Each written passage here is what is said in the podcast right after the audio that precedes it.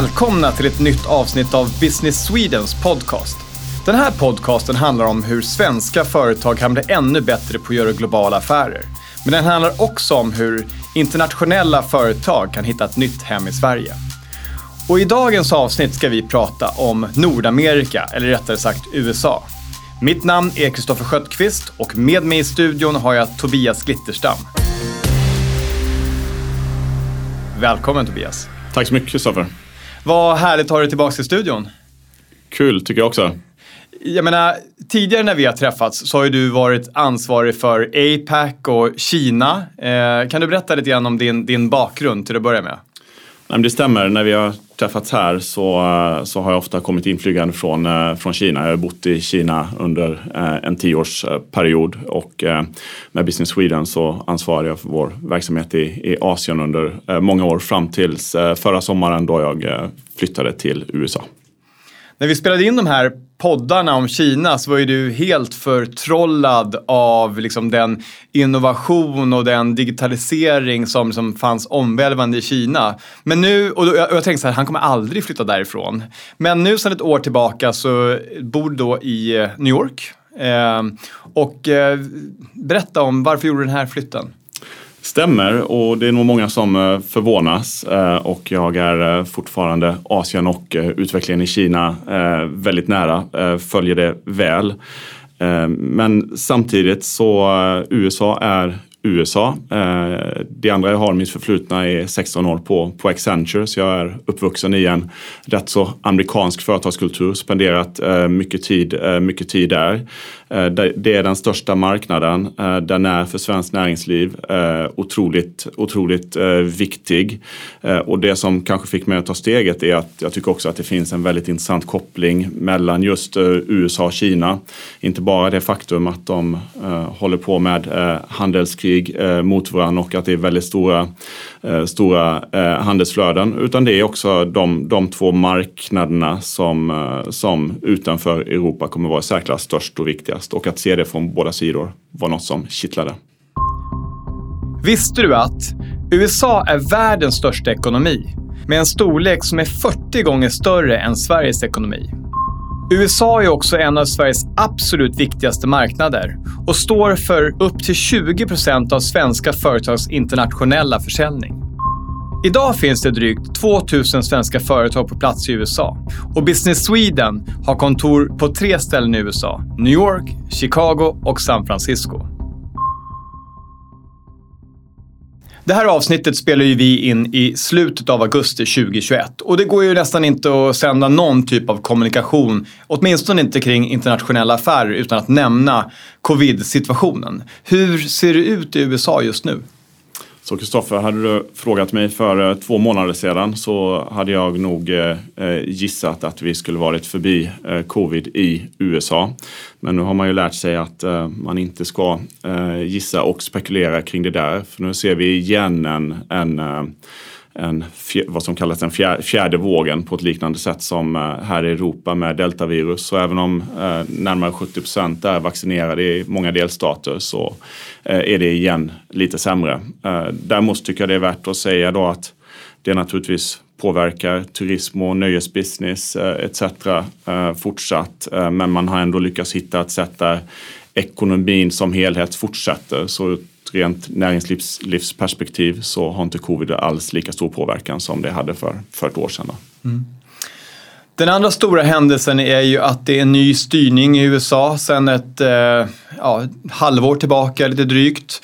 Eh, Biden har tagit över. Vad gör det för skillnad i trender och utveckling i USA som påverkar affärer och business?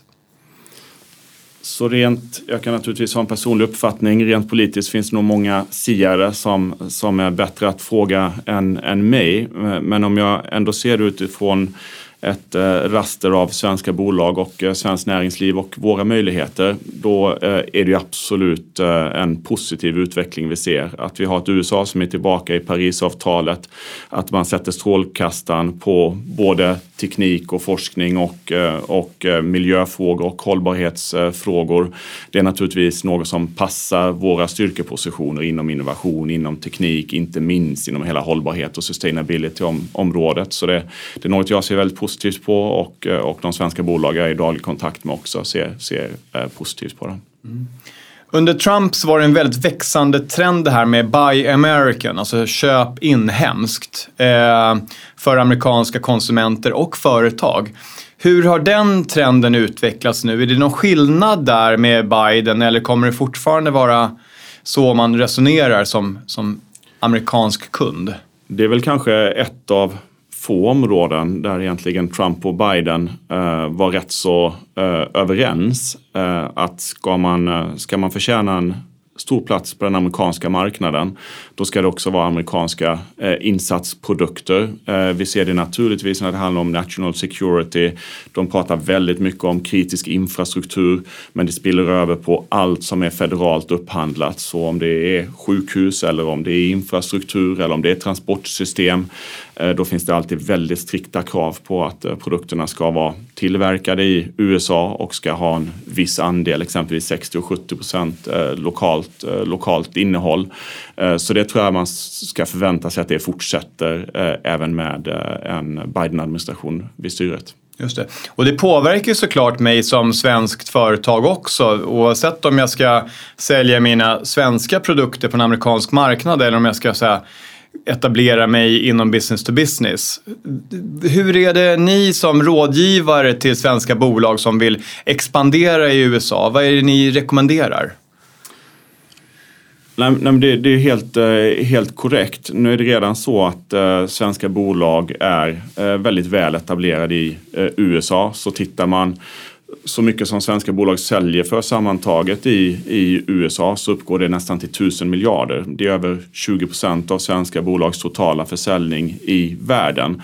Exporten är väsentligt lägre, eh, vilket således är en indikation på att svenska bolag redan har väldigt mycket eh, tillverkning och inköp på marknaden i, i USA. Så det är inte ett eh, fenomen som är nytt. Eh, om jag generalisera lite grann så tror jag man ska, eh, man ska stå fast vid sin svenska kärna. Om man är på den industriella sidan, då är det kvalitet och teknik och, och miljöprägen som fortfarande eh, går hem. Eh, Däremot så ska man nog försöka ha en verksamhet som är rätt så amerikansk när det kommer till produktion, när det kommer till inköp, när det kommer till gemensamma utvecklings och innovationssatsningar.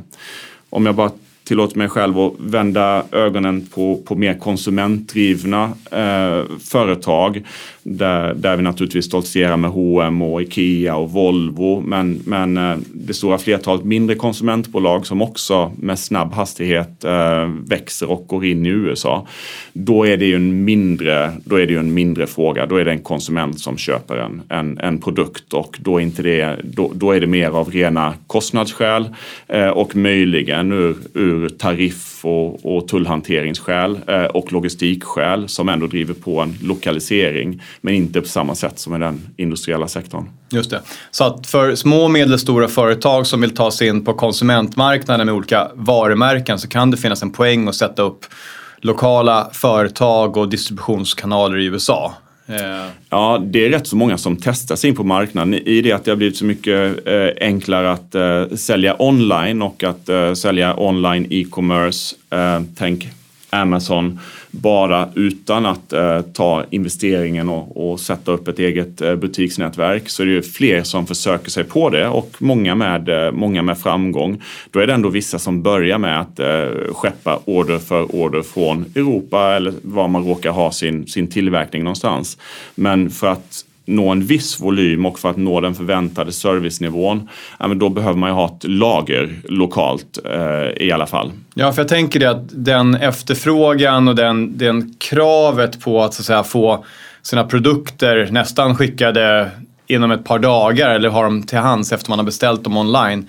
Den har ju verkligen ökat nu med, i och med corona också eftersom hemshoppingen har ju ökat otroligt mycket. Exakt. Och så har det varit i USA också. Det, det exploderar ju fullständigt. Uh, jag brukar berätta när jag får den, den frågan på, på lilla gatan som vi bor med, med uh, 10 eller 15 hus på Återvändsgatan i förorten utanför eh, utanför eh, New York är det att man har jobbat hemma så har man lite uppsikt över eh, gatan och det går inte en halvtimme utan att det är varuleveranser. Den stora huvuddelen är faktiskt Amazon men det är lika mycket att det skeppas ut Eh, matleveranser och, eh, och eh, annat. Då.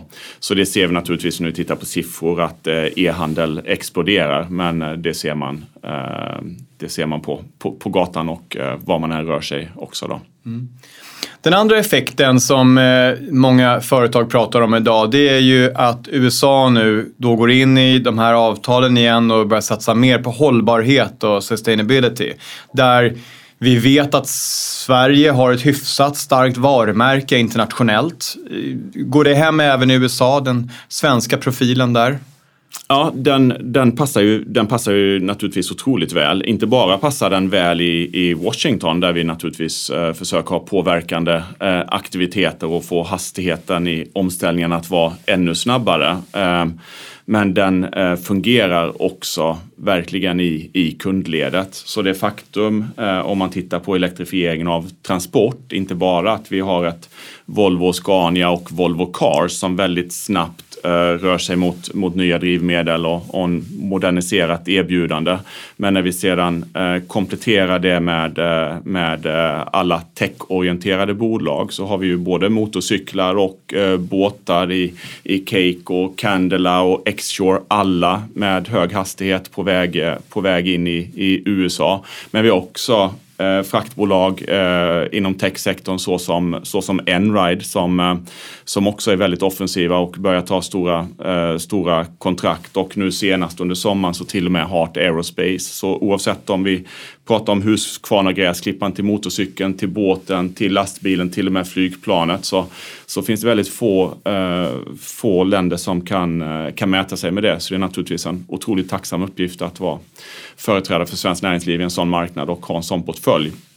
Och tittar man sen i hela den värdekedjan bakom så är det också så att det svenska exemplet där vi lyckas med eh, gröna energikällor visar ett eget gott exempel på, på eh, hemmaplan. Att vi har ett 5G där Ericsson är absolut dominerande i USA som, eh, som kopplar upp den helheten. Och när det kommer till tillverkning, alla våra starka tillverkande eh, bolag som också, som också då säkrar eh, energieffektiv tillverkning toppat med de gröna batterierna och det gröna stålet som vi börjar marknadsföra. Så det är klart, hela den sustainable, hållbara, gröna omställningen. Där, där har Sverige en väldigt stor roll att spela och eh, väldigt imponerande bolag och det slår vi på trumman med varje dag. Och, och, där finns det också stora chanser för bra, framgångsrika svenska företag att etablera sig på den amerikanska marknaden med det ryktet då som man, man har byggt upp. Ja, alla de, alla de eh, nämnda Eh, är ju väldigt eh, offensiva och vi har förmånen att jobba mycket med dem. Mm. Så när det, när det är de eh, allra största bolagen då, då är det ju rätt så mycket government affairs och att influera och försöka bidra med kompetens i i omställningen det är att vi tycker att vi sammantaget har, en, har en, en, ett försprång i, i tankarna hur det där kan göras. Tobias, du nämnde ju några av mina favoritvarumärken eh, här nyss. Cake, Enride, Xshore. Eh, hur jobbar de i USA just nu? Jag tror de, de är naturligtvis i, i eh, tidiga eh, faser, eh, men de har också det gemensamt att de prioriterar USA i ett eh, väldigt eh, tidigt läge av sin eh, globala expansion. Som du känner till så har de ju otroligt intressanta erbjudanden. De är jätteduktiga på marknadsföring. Ja, och för lyssnare som inte känner till dem kan säga Cake, det är ju elektriska motorcyklar och crosscyklar. Och sen har vi då Enride som är elektriska lastbilar elektriska och autonoma självgående lastbilar. Just det. Och sen har vi då X-Shore som är eh, Eh, eldrivna motorbåtar. Ja, både Xshore och eh, Candela faktiskt eh, ett annat svenskt inom, inom samma. Då. Så de, de har, tar bra position. Det handlar ju ofta då om att eh, hitta bra partners eh, lokalt för att snabbt komma ut på marknaden. Det andra paketet som man ofta underskattar när man kommer till USA, det är det regulatoriska. man tror att man kommer till världens mest fria marknad, men jag måste säga att varje, varje företag jag hjälper inom det gebitet så, så upplever jag att det mer påminner om Kina än något annat. Då. Va, vad menar du då? Berätta. Det regulatoriska, alltså att det är mycket regelverk och det är mycket administration och det måste vara på rätt sätt. Det behövs tillstånd, det behövs certifieringar, det behövs licenser eh, och ofta så behövs det först på federal nivå men sedan behövs det också på olika sätt inom eh, respektive delstat. Eh, så jag brukar säga att det första man ska, ska rusta sig med när man går in i den amerikanska marknaden det är en, det är en riktigt bra advokat för det är mycket, mycket pappersexercis innan du kommer till ett läge att du verkligen kan, kan sälja din båt. Då. Och det här är ju också en av de tjänsterna som ni på Business Sweden till viss del bidrar med kontakter och relationer där. Ja. Självfallet, självfallet. Vi, vi vill hjälpa till både i, i växeln att eh, ta marknadspositionen men naturligtvis allt det nödvändiga i, i bakgrunden också för att eh, säkra förutsättningar att eh, komma ut med sina produkter. Om vi tittar mer på techbranschen då. Vi tittar på väldigt stora framgångar med både Spotify, Klarna och liksom lite mer digitala företag. Hur, hur ser det ut där? Det är en bra övergång för övrigt för det är alla, alla de här bolagen då, de, de eh, betraktar sig själva som tech så de kommer ju som, eh, som väldigt offensiva eh, techbolag då. Spotify och Klarna är, är, naturligtvis två, två exceptionella exempel som prioriterar USA väldigt högt och växer väldigt snabbt. Då. men jag skulle nästan snarare resonera lite kring hur hela eh, techsektorn påverkar i USA och då skulle jag säga att de stora, stora, stora amerikanska techbolagen eh, borta i Silicon Valley, det är Facebooks and Apples and Amazons and Googles of the world, eh, de är ju eh, mer, eh, har ju mer och mer influens i hela den amerikanska marknaden. Då. Mm.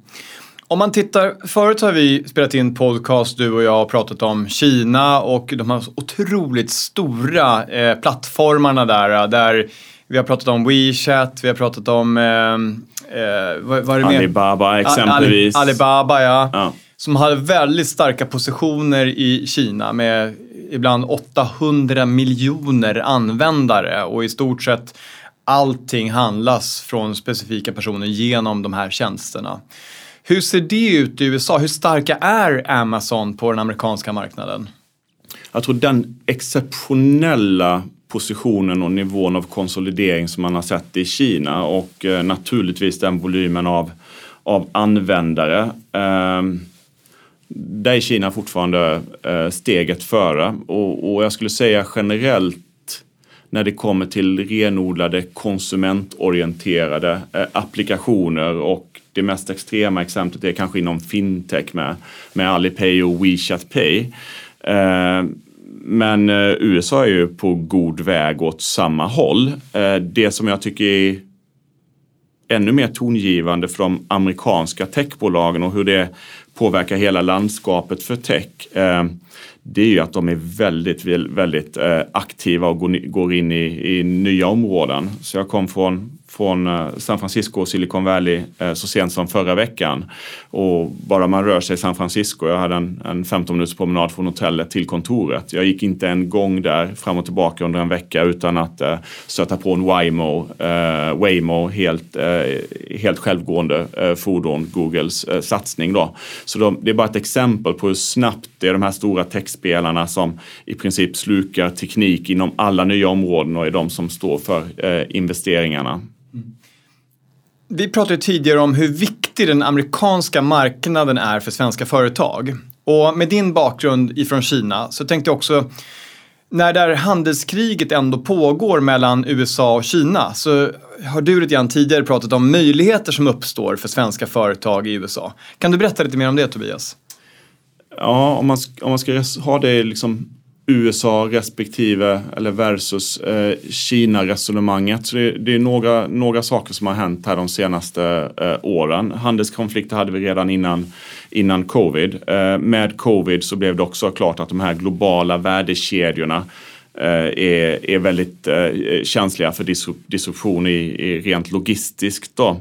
Så den trenden som redan fanns att försöka vara rätt så självförsörjande i sina logistikkedjor i, i respektive region, eh, den har ju då bara, bara förstärkts. Så det är den ena vinkeln på det som gör att vi hjälper många bolag att hitta rätt partners och att hitta rätt plats att bygga tillverkande kapacitet i USA. Jag tror den andra vinkeln som är eh, Eh, är intressant är konkurrensen på den globala marknaden. Det, det är kanske det du refererar till när du, du pratar om samtalen vi haft kring eh, Kina tidigare. Eh, det är så att de kinesiska bolagen växer väldigt, väldigt, väldigt snabbt. Eh, handelskriget där eh, kine, kinesiska bolag upplever att de blir utestängda från amerikanska marknaden exempelvis, som det finns tydliga exempel på. Det tar de ju bara som ett kvitto på att de kan applicera samma medicin. Eh, så när det kommer till utrullningen utvecklingen om 5G i Kina eller nästa kraftnätverk eller när det ska vara elbussar så ger man ju de uppdragen i väldigt stora eh, del till eh, kinesiska bolag idag. Så de kinesiska bolagen blir större och större och större och dessutom så kan man ju från, från staten där på ett annat sätt styra och toppa laget. Så man väljer den bästa inom varje sektor. De skickar man ut på den globala marknaden och, och det är våra nya konkurrenter som svenska ledande bolag inom eh, den industriella sektorn i alla fall. Där tror jag att USA är så otroligt viktigt. För den, jag tror den enda marknaden som är tillräckligt stor och att hålla emot den kinesiska kinesiska globala eh, utvecklingen är ändå USA. Eh, så om vi som svenska bolag kan vara framgångsrika i USA så tror jag med det att det är sättet att kompensera eh, den volymen som är, som är svår att matcha kinesiska bolagen på deras hemmamarknad. Tobias, nu har det varit ett år i USA. Vad är din upplevelse av eh, hur amerikanska företag och människor du möter ser på Sverige utifrån ett affärsmässigt perspektiv? Jag menar, vi har tidigare eh, pratat om hur, hur världen i olika regioner ser på svenskar och svenskt företagande. Eh, och jag menar, det är inte alltid man har åsikt överhuvudtaget för man vet inte skillnaden mellan Sverige och Schweiz. Men, men, men ibland så har man ju faktiskt det. Och vad är, vad är åsikten? Ja. För det första, de första åtta månaderna spenderade jag på mitt hemmakontor som, som eh, eh, alla andra. Då. Eh, däremot så har jag haft, eh, haft förmånen att resa aktivt i USA sedan, sedan mars, sedan april. Så jag har nog gjort eh, snart hälften av eh, delstaterna. Eh, och innan jag svarar på din konkreta fråga så, så kanske det är avstickaren då att det är ju inte så att det är ett USA eh, utan det är, det är 50 eh, olika eh, delstater och eh, de, eh, de skiljer sig lika eh, mycket åt ofta som, eh, som våra europeiska länder. Så skulle du fråga en amerikan i söder respektive väster respektive öster så skulle du säkert få, få olika svar då.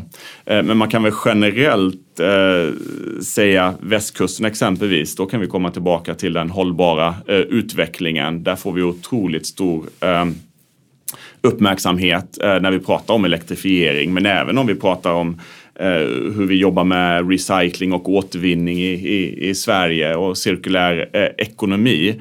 Eh, det får vi även på östkusten. Eh, det har inte vi testat riktigt på samma sätt i Texas. Inte alls utslutet, men, men, men, eh, men det blir nog olika svar beroende på vad man frågar. Just det.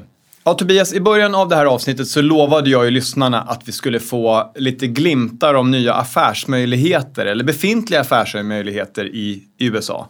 Kan du berätta lite grann, ge oss lite insights om dina insikter under det här senaste året? Ja, den bästa inspirationskällan är, är väl ändå de eh, kunderna och de eh, svenska bolagen som vi, eh, som vi eh, arbetar med. Då. Och nu har vi pratat rätt så mycket inom transportsektorn, inom energiomställning, inom hela den eh, gröna omställningen.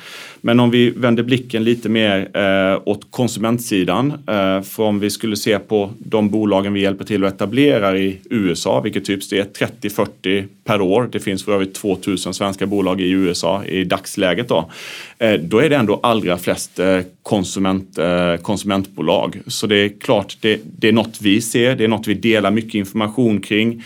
Men det är något som svenska bolag också ser, den, den väldigt snabba tillväxten med Amazon och annan e-handel. Ja, hur är vägen in? För det ena vi pratade om tidigare det var ju att sätta upp egen tillverkning, egen distribution och liksom ett eget bolag där. Det andra är ju att eh, hänga på till exempel Amazon. Ja. Vad, vad, vilket val gör man, man kan som säga, När det är konsumentdrivna eh, bolag, om det är kläder, eh, om det är heminredning, eh, om det är elektronik, Eh, Eh, då är det lätt att underskatta komplexiteten för det är rätt så enkelt att komma igång på Amazon. Eh, men det är klart, eh, man säljer ju inget på Amazon med mindre än att man har bra marknadsföring. Eh, bra marknadsföring är idag digital marknadsföring, men det är också en digital marknadsföring som når din specifika kundgrupp. Och då kommer man tillbaka till att man ändå behöver förstå sin marknad och förstå sina kundsegment och förstå sitt konkurrenslandskap. Så det är ändå en hemläxa som behöver göras för att ha spetsig marknadsföring. Och om det är nummer ett, så nummer två är ju just att få eh, logistiken att fungera. Så vi jobbar ju väldigt aktivt med den typen av eh, eh, bolag att hitta rätt logistikpartners eh, som är flexibla, eh, som är beredda att jobba även om det initialt är mindre volymer. Mm. Kan du ge några hintar om eh, de luckor där du känner att det där företaget eller den där industrin skulle vi verkligen vara kul att ge sig in i med svenska företag? Jag tror just konsument produkter. Fungerar det i Sverige? Fungerar det i Europa? Vi har flera som haft stor framgång i Zalando och sen vänder sig till oss. Det går så bra på Zalando, borde inte det gå på Amazon också? Eh, då tycker jag det finns all anledning att, att prova det liksom. Eh, om det kommer mer till specifika luckor så, så vi har ett eh, program där vi hjälper svenska startups eh, ut, ut i världen. Eh, och om jag ser vad som vad som kommer USAs väg där, eh, då är det snarare liksom inom automation. Eh, då kan det vara inom robotiserad tillverkning. Då kan det vara nischade, nischade eh, teknikbolag. Liksom. Så då är det mycket mer bortåt, eh, bortåt Silicon Valley och andra, andra techhubbar det, det rör sig om. Tobias, i början av programmet så pratade vi ju om att vi skulle berätta lite mer om sådär affärsmöjligheter och luckor på den amerikanska marknaden. Berätta lite mer om eh, tips och ställen där vi ser möjligheter för svenska företag. Ja, så vi har pratat om techbolag inom transportsektorn och elektrifiering redan. Det är ett uppenbart område. Eh, vi har pratat om eh, konsumentdrivna bolag. Fungerar det i Sverige? Fungerar det på Zalando? Ge Amazon en chans. Det gör sig inte självt, eh, men en god chans. Om jag ska ta eh, ett annat exempel, eh, mycket mer inom den industriella sektorn, som är hela omställningen inom industrin och det vi har varit inne på, att det investeras mycket i ny fabriksinfrastruktur. Då behöver det också vara en grön och energisnål produktion. Så ta sektorn med ventilationsbolag exempelvis. Sverige har fem av de absolut världsledande ventilations och filterbolagen i Camfil, i Systemair, i Munters, i Nederman, i Clean Air, i Blue Air. Alla svenska bolag som har fantastiska, fantastiska möjligheter i den industriella omställningen. Så USA har ju den fördelen med sig eh, att, att det verkligen har alla industriella eh, sektorer. Så nu har vi pratat om några. Skulle du, skulle du be mig om en till så skulle jag nog ändå ta hela, hela, hela den eh, utvecklingen som är inom hälsosektorn och eh, life science eh, där eh, svenska bolag också har väldigt mycket att, att komma med och väldigt eh, eh, proaktiva samarbeten med, med amerikanska bolag och, och bra affärsmöjligheter. Om jag lyssnar på det här avsnittet och känner sådär, wow, det här, vi, vi, borde testa. Vi borde testa att gå in i USA. Kan du berätta lite kort om dels hur jag ska bära mig åt, men också hur Business Sweden är mobiliserad i USA? Ni sitter ju på flera olika platser utspridda över USA. Ja, det stämmer. Eh, vi har eh, våra kontor, eh, våra team i New York, där jag själv är baserad, i Chicago och Eh, i eh, Silicon Valley, San Francisco. Eh, och, och det kommer sig egentligen utifrån att vi i tidigt skede eh, jobbade väldigt mycket och tidigt skede, då pratar jag för 10 till 20 år sedan, eh, jobbade väldigt mycket med industriella, eh, industriella bolag som gick in i den amerikanska marknaden. Och då var Chicago en väldigt naturlig hemvist. Eh, så vi har funnits på Chicago, i Chicago väldigt, väldigt, väldigt länge. Då. Eh, I New York, eh, de facto är det så att 17 av Sveriges 20 största bolag har sina huvudkontor på amerikanska östkusten. Som ett exempel så, så eh, svenska bolagen eh, har en eh, tyngdpunkt på östkusten som man sedan använder för att adressera hela marknaden naturligtvis. Det är också så på östkusten att, eh, eh, att hela life science och hälsosektorn och hela den finansiella sektorn har sin, sin bas där. Så det, det är en viktig hemvist för oss. Eh, och sedan naturligtvis med den mer teknikdrivna, teknikdrivna utvecklingen som vi både behöver hålla ett väldigt aktivt öga på men där vi också tycker det är väldigt eh, viktigt att hjälpa svenska bolag både i kontakt med venture capital men kanske inte minst heller eh, att söka en affär med de stora techbolagen. Så det är logiken för, för de tre kontoren vi har. Om vi träffas här om ett år eller två igen så hoppas jag att vi har kontor på ett par ställen till i USA. Mm. Och eh, ni agerar ju både som, ni har en konsultverksamhet där ni eh, både liksom hjälper och analyserar svenska företag som ska in på nya marknader. Ni har ju också varit behjälpliga med kontors och etableringsplatser. Och, och, dessutom lite grann som dörröppnare också i vissa lägen. Både i kontakt med andra företag men också i kontakt med eh, stat och, och regeringar runt om i världen. Hur funkar det i USA? Är det samma sak där? Ja, vi, vi, USA är vår, vår enskilt största marknad också som Business Sweden. Så det är klart att vi har vårt fulla, fulla eh, tjänsteerbjudande. De är operationella tjänsterna som, som du nämner. Eh, det är 120-230 svenska bolag och snabbt växande som vi hjälper med det löpande kring bokföring, kring personalhantering etc. Alla de här mindre svenska bolagen som, som då går direkt på onlineförsäljning, ja, de behöver ha en legal enhet och, och behöver ha hjälp med det rent operativa. Eh, men det är klart, där vi lägger väldigt mycket kraft, det är ju mer att eh, göra marknadsanalyser och eh, hitta rätt strategi. Att ta, ta sig in som nya bolag och för de redan väl etablerade att adressera nya, nya affärsmöjligheter. Du kan tänka dig exempelvis ventilationsområdet som vi var inne på tidigare. Men du kan också se när det byggs batterifabriker och när det byggs semikonduktorfabriker att det är väldigt, väldigt stora affärsmöjligheter för svenska bolag. Tobias, jag vet att du är precis som jag skidåkare, du älskar det. När du bodde i Kina kunde du ganska snabbt ta dig till eh, lösnön i Japan och åka puder där. Eh, jag vet att du tidigare har varit en fan av eh, kanadensisk skidåkning. Vart tänker du åka skidor nu? Ja, nu har jag ju bara en, eh, en skidsäsong i USA sedan jag eh, eh, flyttade dit och eh, det var också ett år som man inte kastade sig på flygplan av anledning eh, covid. Då.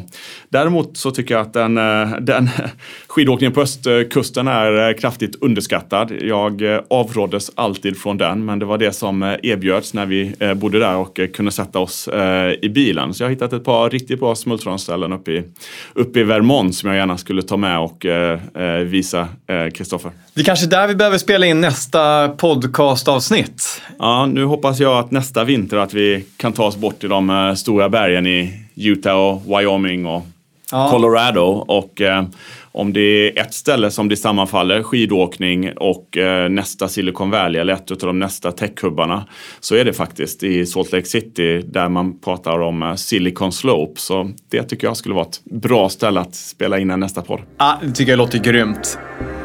Tobias Glitterstam, chef för Nordamerika och Latinamerika. Tack för att du har varit med och eh, delat dina insikter om business för svenska företag i USA.